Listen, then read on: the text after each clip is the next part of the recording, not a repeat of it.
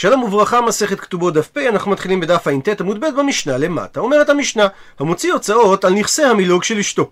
זה לא משנה אם הוא הוציא הרבה ואכל קמעה, או הוציא קמעה ואכל הרבה. במקרה שהוא גירש אותה, מה שהוציא הוציא ומה שאכל אכל.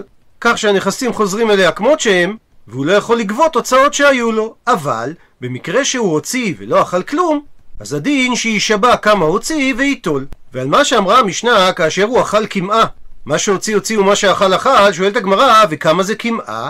עונה על כך, אמר רבי אסי, אפילו גרוגרת אחת. ובלבד, והוא שאכלה דרך כבוד. זאת אומרת, שאם הוא אכל תאנה אחת יבשה, אבל לא בחופזה וארעי, אלא בדרך מכובדת על שולחנו, זה כבר נחשב שהוא נהנה מפירות נכסי המלוג, ולכן מה שהוציא הוציא ומה שאכל אכל. ומביאה הגמרא דעה נוספת לגבי שיעור הקמעה, אמר, הפכנו דף רבי אבא שאמרי בי רב, אמרו בבית מדרשו של רב, אפילו שיגרא דתמרי. דהיינו, תמרים הנידוחים יחד כדרך שדורסים תאנים יחד. הוא מביא רש"י פירוש נוסף שהוא שמע, שהכוונה לכמין אשכול תמרים. וקשה לרש"י על לשון הגמרא, שאמרה אפילו בדברי רבי אבא לגבי התמרים, והרי גרוגרות יותר גרועים מתמרים. כמו שאומרת המשנה בעירובין, שמי שאכל גרוגרות ושילם תמרים, תבוא עליו ברכה. ואם רבי אסי כבר אמר שקמעה זה אפילו גרוגרת, אז ברור שגם תמרים עונים על הקריטריון הזה. עונה על כך רבנו תם, שלא מדובר פה על תמרים רגילות שהן אכן שוות יותר מגרוגרת, אלא מדובר על שיגרא דתמרי, שזה תמרים הרבה קבוצים ביחד שהן לא טובות כל כך. ומעיר רש"י שיש ספרים משובשים שכתוב בהם וכמה הרבה ועל כך אמר רבי אבא וכולי ואומר על כך רש"י שגרסת שוטים היא זו שהרי אין שום משמעות לשאלה כמה הרבה אחרי שכבר אמרנו כמה המידה המינימלית, שהרי כל כמות שיותר מגרוגרת אחת, היא תחשב הרבה, ואין לכמות הזאת שיעור מקסימלי. ובאותו עניין בא שאל רב ביבי, חופצה דתמרי מאי, הוא מביא על כך רש"י שני פירושים, או שמדובר על הפסולת של התמרים לאחר שעשו מהם שכר, או שמדובר על התמרים אחרי שדחים אותם הרבה, לפני שעושים מהם שכר. והשאלה היא, מה הכמות המינימלית שיוכל הבעל מהחופצה דתמרי, שהוא כבר לא יוכל לתבוע את ההוצאות שלו. ועל כך נשארת הגמרא בתיקו. תעמוד השאלה ללא פתרון. וממשיכה הגמרא באותו עניין, כאשר לא אכלה דרך כבוד, מהי? באיזה כמות זה יחשב אכילה שיפסיד הבעל את הזכות לתבוע את ההוצאות שלו? עונה על כך אמר אולה, פליגי בה נחלקו בדבר תרי אמוראי, שני אמוראים במערבה בארץ ישראל. אחד אמר שהכמות היא בקיסר, ואחד אמר שהכמות היא בכדינר. שלפי הדעה המחמירה, אם אכל הבעל כמות קטנה ששווה איסר, הוא כבר איבד את הזכות לתבוע את ההוצאות שלו, ולפי הדעה המחמירה, רק אם הוא אכל שיעור של פי 24 כדינר שווה ל-24 איסרים, הוא יאבד את הזכות לתבוע את ההוצאות שלו. ועוד באותו עניין, אמרי דייני דפומפדיטה.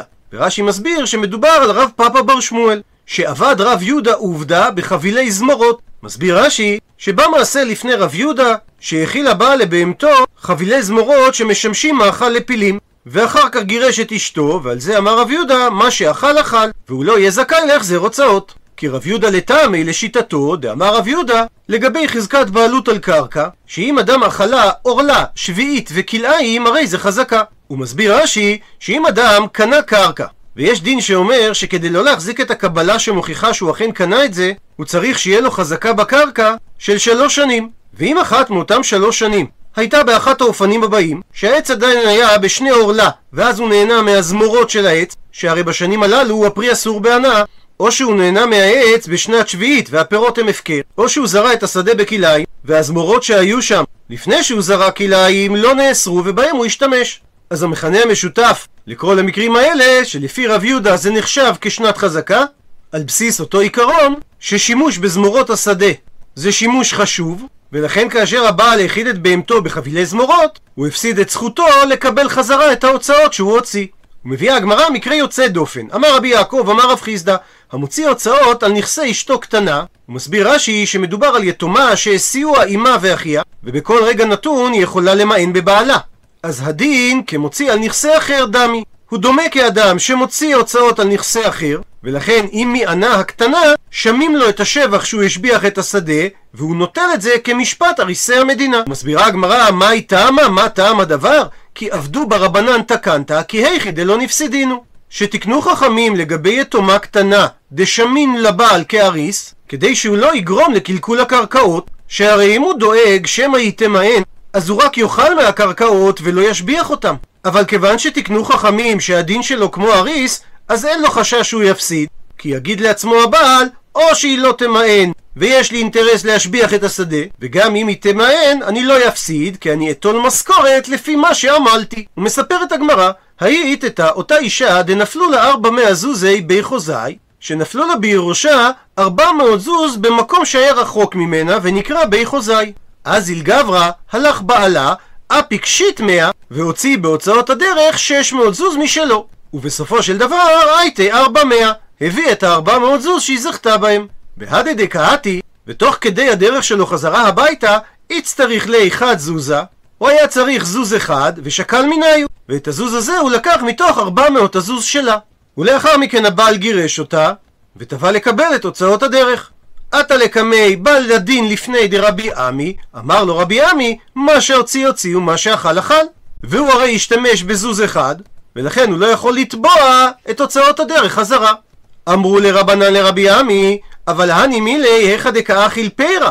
הכלל שאמרה המשנה מה שהוציא הוציא ומה שאכל אכל, זה רק במקום שהוא אוכל את פירות נכסי המילוג. אבל במקרה שלפנינו, הקרנא כאכיל והוצאי. הוא הרי לקח את הזוז מגוף הממון, דהיינו מהקרן, ומכיוון שבקרן עצמה אין לה בעל זכויות, אז זה נחשב כאילו לקח הלוואה מכספי הקרן, כך שזה נחשב חלק מההוצאה שהייתה לו על הדרך, ואם כך, זכותו לקבל הוצאות. ולפי גרסת הגאות הבח, אמר לו רבי עמי אחרי שהוא שמע את כל הסיפור, אז אם כן, הווה לי, כמו שאומרת המשנה, מקרה של הוציא ולא אכל, שהדין יישבע כמה הוציא וייטול.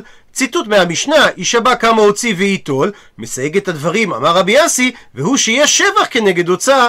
אבל אם הבעל הוציא יותר ממה שהשביחו הנכסים, לא כנגד זה אמרה המשנה שיישבע וייטול. ושואלת הגמרא, למה היא הלכתה? האם רב אסי התכוון להחמיר או להקל? דהיינו, במקרה שיש מספיק שבח כנגד ההוצאות שהוציא הבעל, האם הוא התכוון להקל על הבעל שהוא יוכל ללא שבועה לגבות את ההוצאות שהיו לו, או שהוא התכוון להחמיר ולומר שאם הוא הוציא הוצאה יתרה אז הוא לא יוכל לקבל אלא כשיעור השבח שהשביחו הנכסים וגם זה רק בשבועה. עונה על כך אמר אביי שרבי אסי התכוון להקל שאם היה השבח יתר על ההוצאה אז הוא נוטל את ההוצאה בלא שבועה. מקשה על כך אמר לו רבא, אבל אם כן, אתי לי ארומי. יבוא הבעל לרמות, כי הוא יודע כמה השביחו הנכסים, ותמיד הוא יאמר סכום שקטן קצת מהשבח, ואותו הוא יוכל לקחת בלא שבועה, למרות שמצד האמת, זה לא סכום בהוצאות שהוא הוציא על הנכסים. אלא אמר רבא, רבי אסי התכוון להחמיר, שאם הייתה הוצאה יתרה על השבח, אז אין לו אלא הוצאה של שיעור השבח, דהיינו שהחזר ההוצאות הוא מקסימום סכום השבח שהשביחו הנכסים, ובשבוע, והוא יוכל לגבות את זה רק אחרי שישביעו שאכן כך הוא הוציא. וממשיכה הגמרא, איבאיה להו, נשאלה להם השאלה הבאה. בעל שהוריד הריסים תחתיו, מהו? הוא מסביר רש"י, בעל שהוריד הריסים בנכסי אשתו, וסגר איתם שהשכר שלהם יהיה שהם יקבלו מחצה או שליש מהתבואה, ועמד הבעל וגירש אותה אחרי שהוא אכל קמעה מהפירות. אז מה הדין לגבי האריסים? האם הם יכולים לקחת כפי שסגרו איתם? ומבארת הגמרא את צדדי הספק. האם הדעתא דבעל נחי ולכן כאשר הסתליק לבעל הסתליקו להו, דהיינו, הבעל הוא זה שהכניס אותם לנכסים ולא האישה, ולכן כאשר מסתלק הבעל, מסתלקים גם האריסים, והם לא יקבלו שום דבר מהשבח שעשה השדה, כי על מנת כן הם נכנסו, שהם ידעו שאם היא תתגרש, יפסיד הבעל הכל. ולכן אין להם שום תביעה על הבעל, כי הם מבינים שהבעל לא יימנע מלגרש את אשתו בגללם. כך שהם לקחו את האפשרות הזאת מראש. או דילמה או אולי הדעתא דערא נחית וערא כי קיימא להריסי קיימא. או אולי הורדת האריסים לשדה זה עניין שתלוי בצורכי הקרקע וזה לא משנה מי הוריד אותם לשם כי אם הבעל לא היה סוגר איתם אז הייתה האישה מורידה אותם לתוכה ולכן גם אחרי שהשדה עברה לרשות האישה יקבלו האריסים מה שהוסכם איתם ועל השאלה הזאת, מה תקיף לה? מקשה רבא ברב חנן. מה ישנה, במה שונה השאלה הזאת מהמקרה מהיורד לתוך שדה חברו ונטעה שלא ברשות? שהדין במקרה כזה, שמין לו כמה היו ההוצאות שלו וידו על התחתונה. כפי שאומרת הגמרא בבבא מציע, שהוא יוכל לקבל את ההוצאות שלו עד שיעור השבח שהוא השביח. ושואל רבא ברב חנן, מדוע במקרה של הבעל שהוריד אריסין, יש צעד שיהיה ניתן לסלק את האריסין בלא כלום? מסבירה הגמרא, הטעם שם במקרה בבבא מציע של היורד לתוך שדה חברו, לקה איניש דטרח. אין אדם שהלך לטרוח באותה שדה, וראה זה שלא היה איש משביחן, ולכן ירד לשדה, ומה הפסידן את בעלי השדה. ולכן הדין שם, ששיעור ההוצאות שלו מוגבל עד השבח שנגרמה לשדה בעקבות הפעולה שלו. אבל הכה, כאן לעניין בעל שהוריד הריסין, איכא בעל דטרח. זה לא דומה למקרה בבבא מציע, שהרי יש את הבעל עצמו שיטרח בשדה, כך שיכולה האישה להגיד לאריסים, אם אתם לא הייתם יורדים לשדה, אז הבעל עצמו היה עובד את השדה. ועכשיו שהבעל אכל מהפירות וגירש אותי, הוא לא היה מקבל כלום על העבודה שלו. ואחרי שהסבירה הגמרא את ההבדל בין המקרה של הבעל שהוריד את האריסים לשדה, לבין המקרה בבבא מציע, של היורד לתוך שדה חברו ונטעה שלא ברשות, חוזרת הגמרא ושואלת, מה היה ועלה? אז מה התשובה לשאלה שהעלינו? עונה על כך, אמר אבונה ברדר רבי יהושע, חזינן. צריך לראות את המציאות בפועל. אי בעל הריס הוא, אם הבעל יודע בטיב הריסות, כך שאם הם לא היו יורדים לשדה, הוא בעצמו היה עובד את השדה, אז כאשר הסתלק לבעל, שהרי הוא אכל מהפירות, ואמרה המשנה מה שהוציא הוציא ומה שאכל אכל, אז גם ההריסים הסתלק הוא. גם הם לא יקבלו שכר, כי תאמר להם האישה, אם אני אשלם לכם אני מפסידה, שהרי אם אתם לא הייתם יורדים לשדה, הבעל היה יורד ומטפל בשדה, ואחרי שהוא אכל פירות וגירש אותי, לא מגיע לו כלום. לעומת זאת, אי בעל לאו הריסו, והוא לא יודע לטפל בשדה, אז ברור שאר על להריסי קיימה. ההריסים יקבלו את שכרם, כי גם אם הבעל לא היה מוריד אותם לשדה, האישה הייתה סוחרת אותם כדי שיטפלו בנכס. וממשיכה הגמרא, היא בעיה להוא, נשאלה להם השאלה הבאה.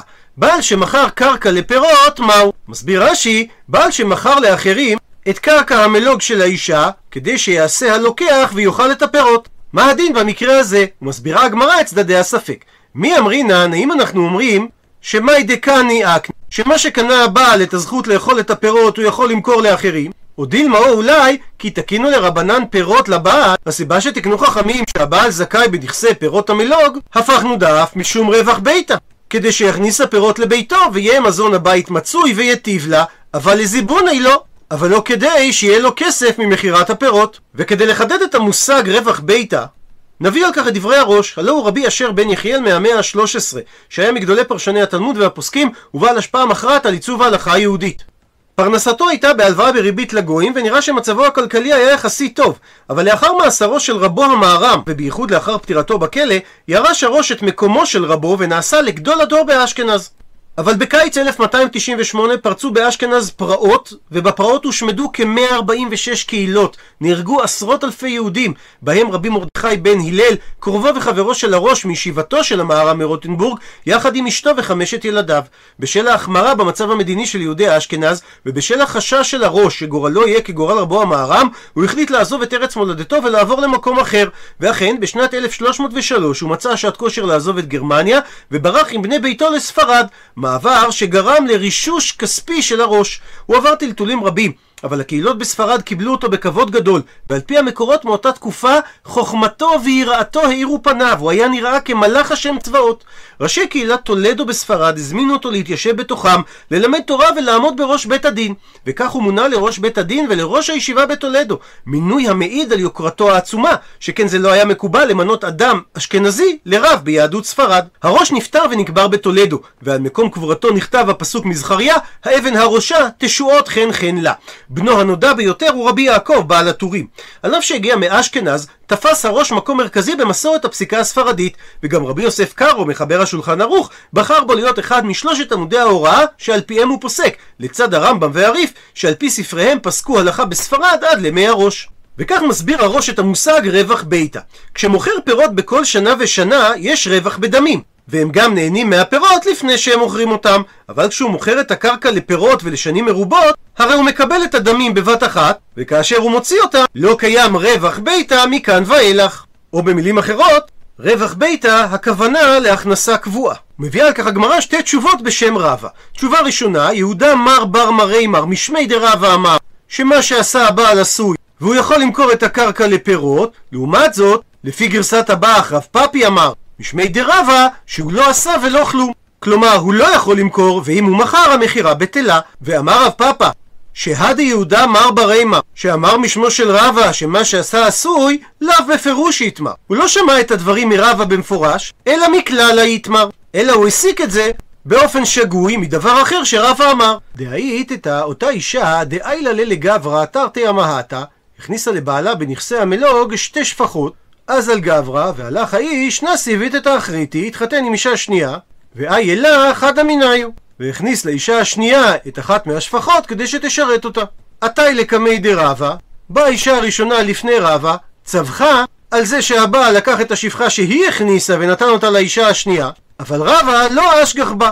מאן דחזה, מי שראה את הדבר, סבר שרבה נהג כך משום דסבר רבה שמה שעשה עשוי. כך שיכול הבעל לקחת את השפחה שהיא נכסה מלוג ולתת אותה לאישה האחרת לצורך שימושה.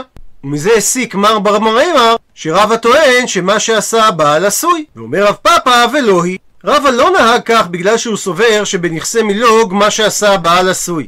אלא רבה סובר כמו רב פאפי שחכמים תיקנו שהבעל יכול לאכול את פירות נכסי המילוג משום רווח ביתה והכה רווח וגם במקרה של שתי השפחות יש רווח ביתה שהרי אף אתה כאשר השפחה נמצאת אצל האישה השנייה, היא עדיין עושה את כל צורכי הבית. ולעניין פסיקת הלכה אומרת הגמרא, והלכתה הבעל שמכר קרקע לפירות, לא עשה ולא כלום. מה היא תמה?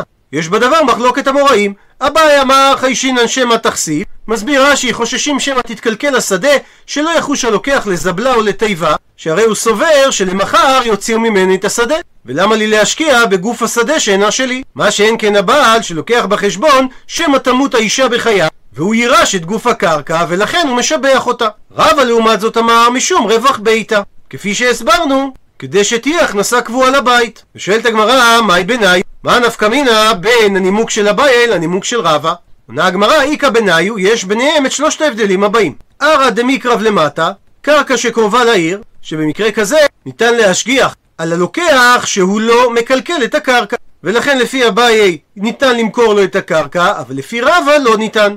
אינמי, או גם הבדל שני, כאשר הבעל אריס הוא. כלומר, שהבעל הוא האריס בשדה, והוא נותן ללוקח פירות מזומנים. אז לפי אביי אין חשש שתתקלקל השדה, אבל לפי רבא עדיין יש בעיה של רווח ביתה.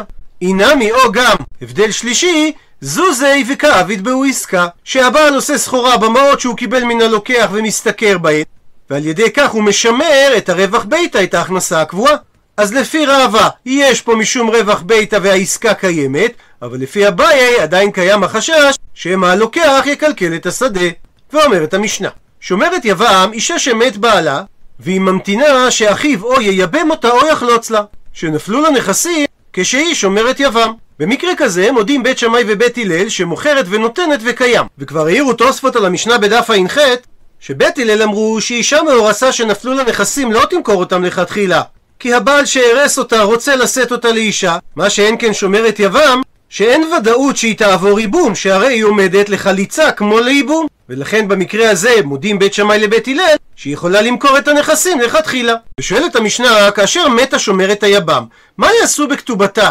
שזה הנדוניה שהיא הכניסה לנפטר והעריכו את השווי של הנדוניה ורשמו את זה בכתובה ומה יעשו בנכסים הנכנסים והיוצאים עמה שהן נכסי המלוג שלה כי היא לא כמו אישה נשואה שבעלה יורש אותה והיא גם לא כמו אישה פנויה או מאורסה שבני משפחתה יורשים אותה בית שמאי אומרים, יחלקו יורשי הבעל עם יורשי האב. הוא מפרש רש"י שהם יורשים רק את נכסי המלוא, אבל יורשי האב לא מקבלים שום דבר מכתובת הבעל. בית הלל אומרים, נכסים בחזקתן, וכתובה בחזקת יורשי הבעל, נכסים הנכנסים והיוצאים ממה בחזקת יורשי האב. הוא מסביר רש"י, נכסים בחזקתן, הכוונה לנכסי צאן ברזל, ויש מחלוקת המוראים במסכת בבא בתרא, בחזקת מי הם מוחזקים, האם בחזקת יורשי הבעל הואיל ואחריותן עליו, או בחזקת יורשי האישה שהיו שלה.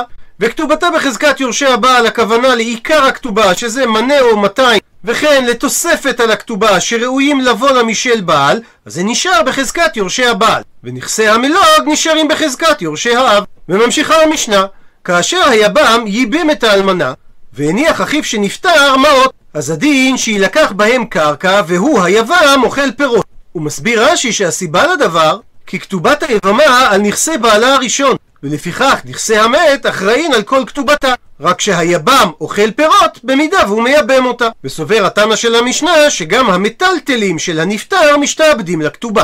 וכאשר הניח האח הנפטר פירות התלושים מן הקרקע, גם אז הדין שיילקח בהם קרקע והוא אוכל פירות.